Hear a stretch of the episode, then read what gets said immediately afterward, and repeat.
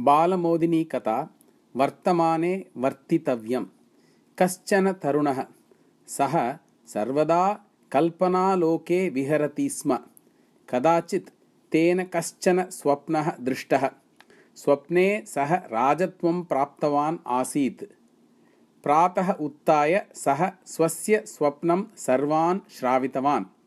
तथैव महाराजवत् व्यवहारम् आरब्धवान् च यदा पिता किमपि कार्यम् आदिशत् तदा सः अवदत् अहं महाराजः अस्मि। किं महाराजः स्वयं कार्यं कुर्यात्? न खलु? इति। पिता मौनम् आश्रितवान्।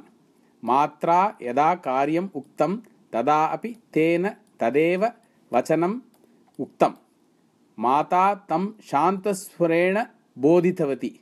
तस्य पत्नी अनुनयेन बोधितवती। तथापि तस्य एकमेव वचनम्। अहं महाराजः अस्मि। सामान्यः जनः इव राजा कार्यं न करोति इति। एषः कथं बोधनीयः इति गृहसदस्येषु केनापि न ज्ञातं यदा सर्वे चिन्ताक्रान्ताः आसन् तदा तस्य अनुजा अवदत् अहम् एतं समीकरिष्यामि इति। मध्याह्नसमयः आगतः अनुजा सर्वान् भोजनाय आहूतवती ऋते अग्रजात्। सर्वे भोजनम् आरब्धवन्तः। स्वस्य अनाह्वानं दृष्ट्वा नितरां क्रुद्धः सः तरुणः भगिन्याः समीपं गत्वा क्रोधेन अपृच्छत्। किमर्थं भोजनार्थम् अहं न आहूतः भवत्या? इति। तदा अनुजा शान्ततया अवदत्। महाराजस्य भोजनं सामान्यं न भवति खलु? अन्यच्च तस्मै भोजनं दातुम् अप्सरसः किन्नर्यः वा आगच्छन्ति।